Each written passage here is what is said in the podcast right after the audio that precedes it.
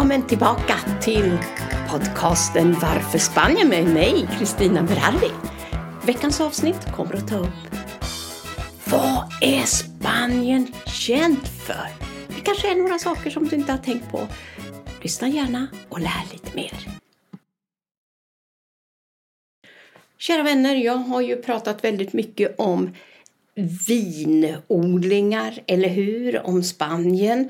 Jag har eh, berättat lite grann om en del sevärdheter och vad Spanien kan vara känt för och så vidare. Och lite blandad kompott här och var. Nu tänkte jag ta några saker som faktiskt var en liten överraskning för mig med. Hade ingen aning om att Spanien är världens största producent av olivolja. Spanien producerar 44 procent av världens olivolja. Det är ju fantastiskt tycker jag. Olivolja är ju bra både i matlagning och till huden. Jag tror jag har berättat det att eh, jag har ju en väninna som har en massa olivträd. Och eh, när hon gör olivolja, det brukar jag ha förmånen att få köpa olivolja. Och jag tror att jag köpte tre såna här 15 liters dunkar av henne till väldigt förmånligt pris. Och det är en olja som är fantastisk. Och när jag nu tänker på eh, det här att det produceras så mycket olivolja här. Så när jag läser att varje spanjor använder cirka 10 liter olivolja om året. Och då tänker jag, ja men 15 liter det ska nog räcka här i, i ett år. Eh, vi kanske använder mer olivolja i det här hemmet än i andra hem, jag vet inte. Det är faktiskt Andalusien som finns på Costa del Sol det är där man producerar den mesta olivoljan. En annan lite eh, rolig sak är väl att det är i Spanien du hittar de flesta barerna i Europa. Jag hade ingen aning om faktiskt, men så är det. Och det är väl därför som vi brukar prata så mycket, man går till baren, man går till baren, man tar en kopp kaffe och det gör man ju i många andra länder också. Men att det var så många barer och kaféer att, att man kan säga att det är flest i hela Europa. Det var också en överraskning. Och eh, Många går ju ut och dricker öl. Öl heter ju cerveza. Och man kan ju köpa en liten öl, då heter den canja. Men sen kan man ju ta en stor öl, då kan man säga en grande pinta och så är det ett annat uttryck som jag nu har glömt. Men det, det finns olika uttryck för det. Det som är lite förvånansvärt är ju att priserna på ölen, hör och häpna, de är lägre än om du beställer motsvarande mängd i vatten.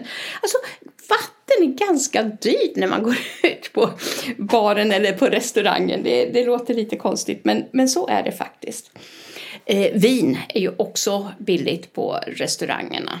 Eh, jag tror en cerveza, en öl, en liten öl kan kosta mellan 1,50 upp till 2 2,50, nej jag tror inte 2,50.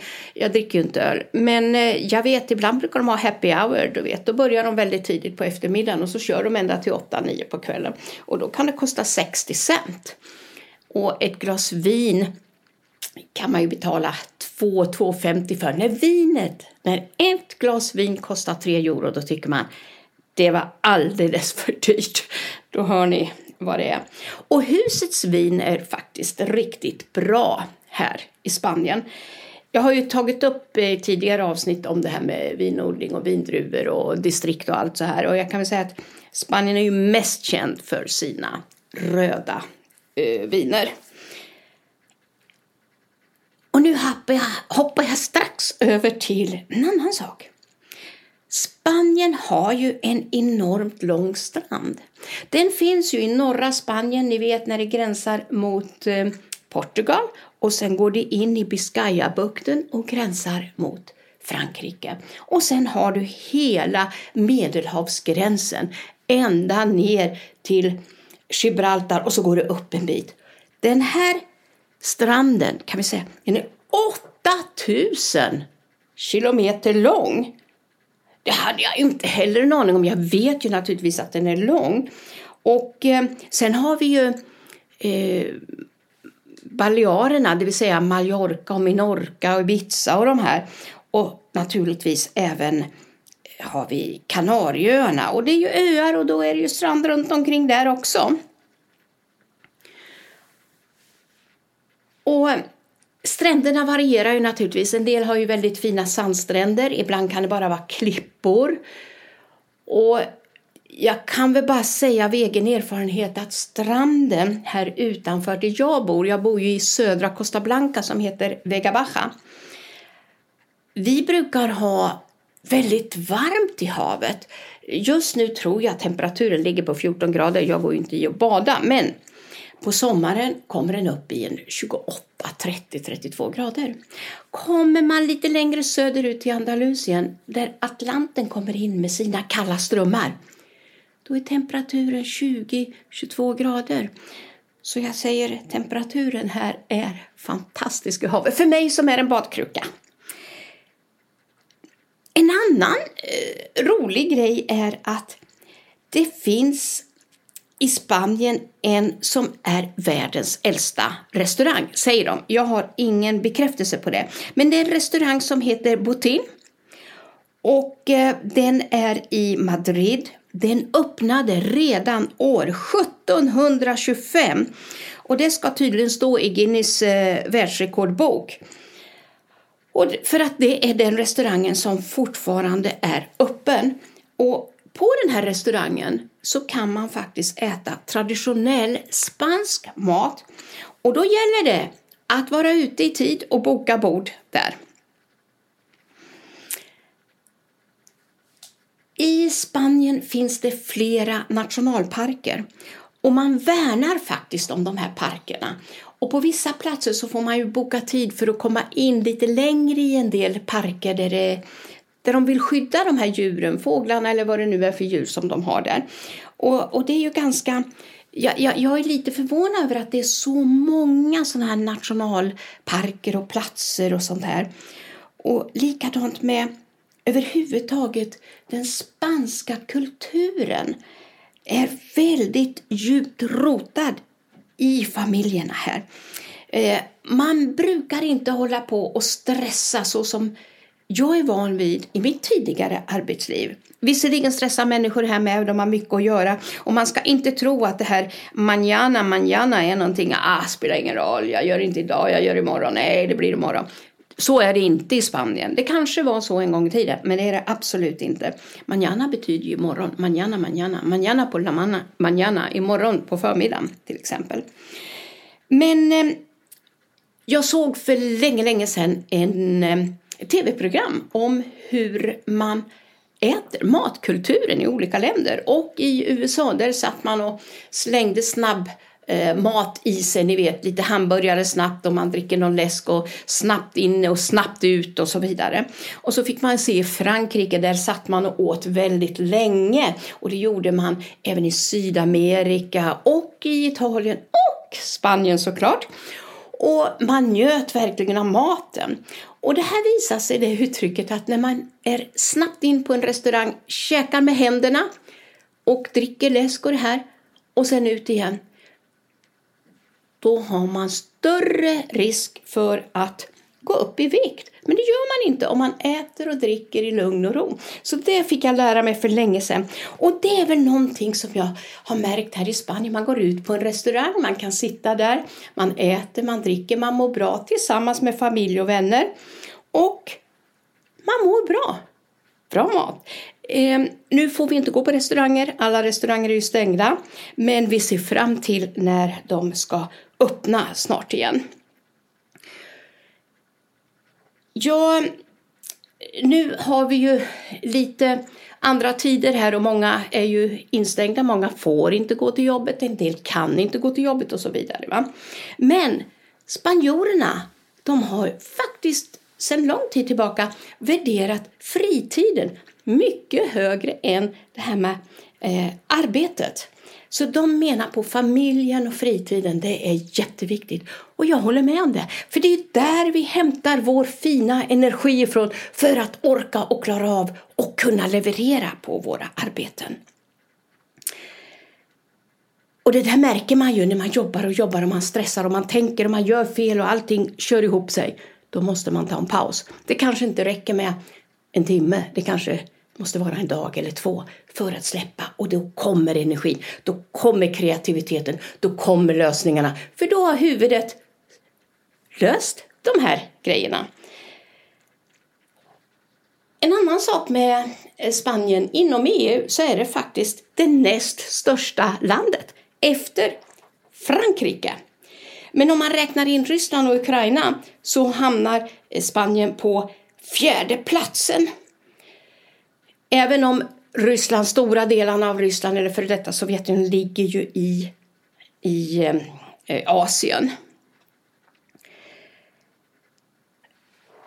Någonting som jag också förvånas över det var när jag läste att eh, Spanien deltog faktiskt inte officiellt varken i första eller andra världskriget. Och man har ju hört talas om det här med Franco och, och, och det var diktatur och eh, många, många eh, gick i exil och, och så vidare. Men deltog officiellt inte i, i krigen. Det tycker jag också är fantastiskt att eh, ha fått bekräftat. Sen har vi ju, om vi tänker på språken, jag har ju tidigare sagt att spanskan i Spanien är ju ett av världens snabbaste språk. Kommer på andra plats efter japanskan, har jag läst.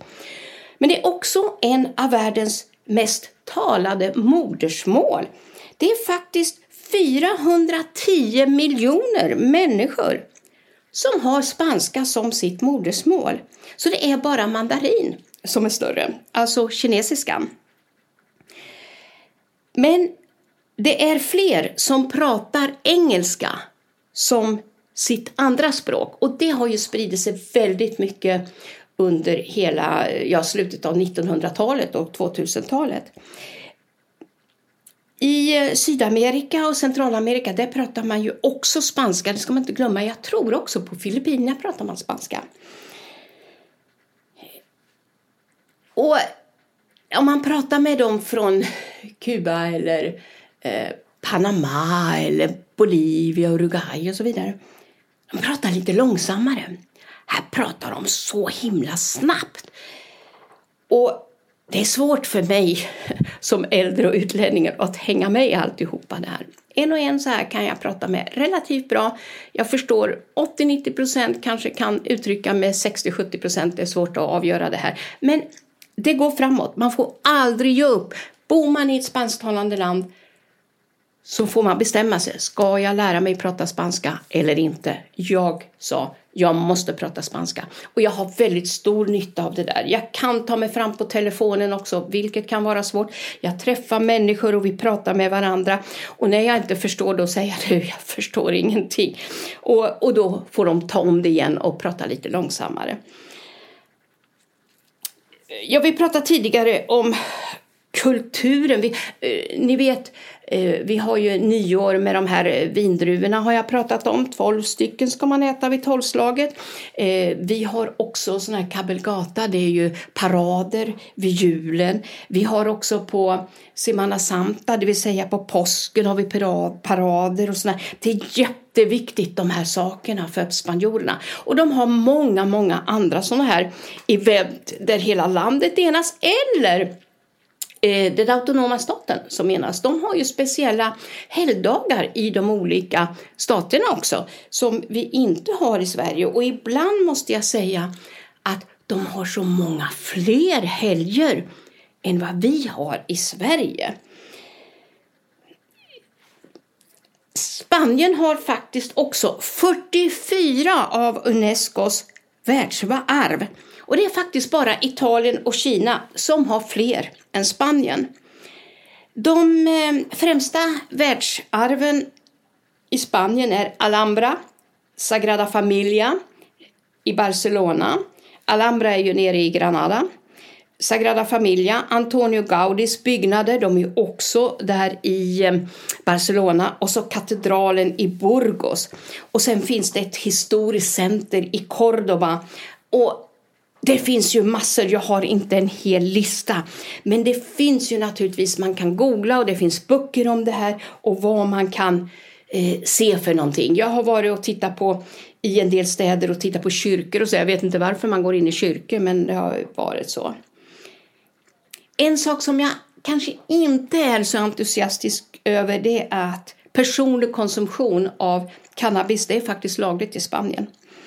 Eh, men man får ju inte odla om det inte är för personligt bruk. Och det har jag ju sett på tv när de spränger sådana här eh, cannabisodlingar. De är jättestora, ni vet när de har särskild luftkonditionering, ljus och alla möjliga sådana här saker. Så tränger Guarda Civil på och förstör alltihopa. Dock, även om det är lagligt så får man inte röka cannabis offentligt. Även om det till en viss del har eh, avkriminaliserats. En annan viktig, eller en intressant grej är ju det här med namnen. Ni vet spanjorerna, de har ju oftast två namn. Efternamn alltså. Och den ena är ju då från mamman och den andra är ifrån pappan. Så det första efternamnet är alltid från pappan och det andra är från mamman. På senare tid så har man börjat ändra så här så att mammans efternamn kan faktiskt vara först. Framförallt när man får sitt första barn. Eh, I alla lagliga dokument måste de här två efternamnen vara med annars så använder man sig bara av ett efternamn. Precis som i Sverige och Storbritannien så är ju Spanien en konstitutionell monarki. Det vill säga man har en kung som är statschef, precis som vi har. Men man har liksom inte den makten eh, som, eh, över lagarna och sånt som eh, likadant som finns i Sverige. En annan sak som jag tyckte var så roligt att namnen Spanien kommer från i Spania. från feniserna. Det vill säga, det var de som döpte landet och det eh, betyder ju kaniner. Och senare döpte romarna det här till i Spanien. Det finns ingen lag om offentlig nakenhet. 2017 då hade Spanien fler än 82 miljoner utländska turister.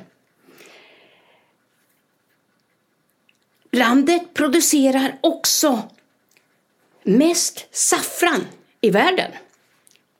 Det var något nytt.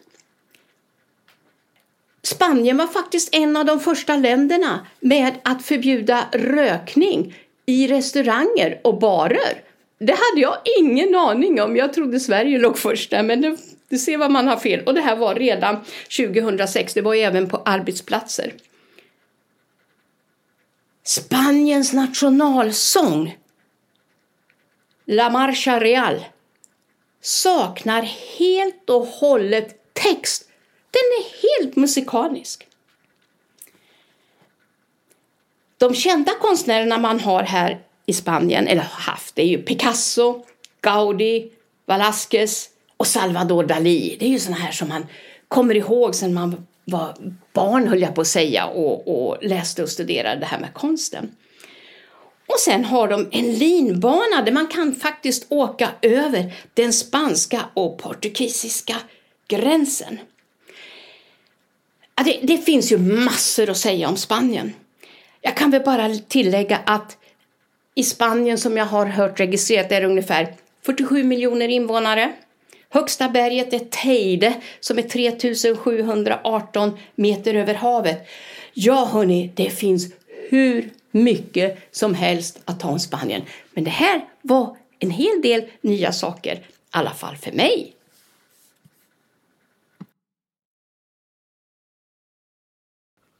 Tack kära lyssnare för att du ägnar den här tiden och lyssnar på min podcast. Jag hoppas att du har fått något matnyttigt denna gång också. Och eh, titta gärna in på min Facebook-sida som heter Podcast Varför Spanien med Kristina Berardi. Och så hörs vi igen nästa vecka. Ta hand om er. Hej då!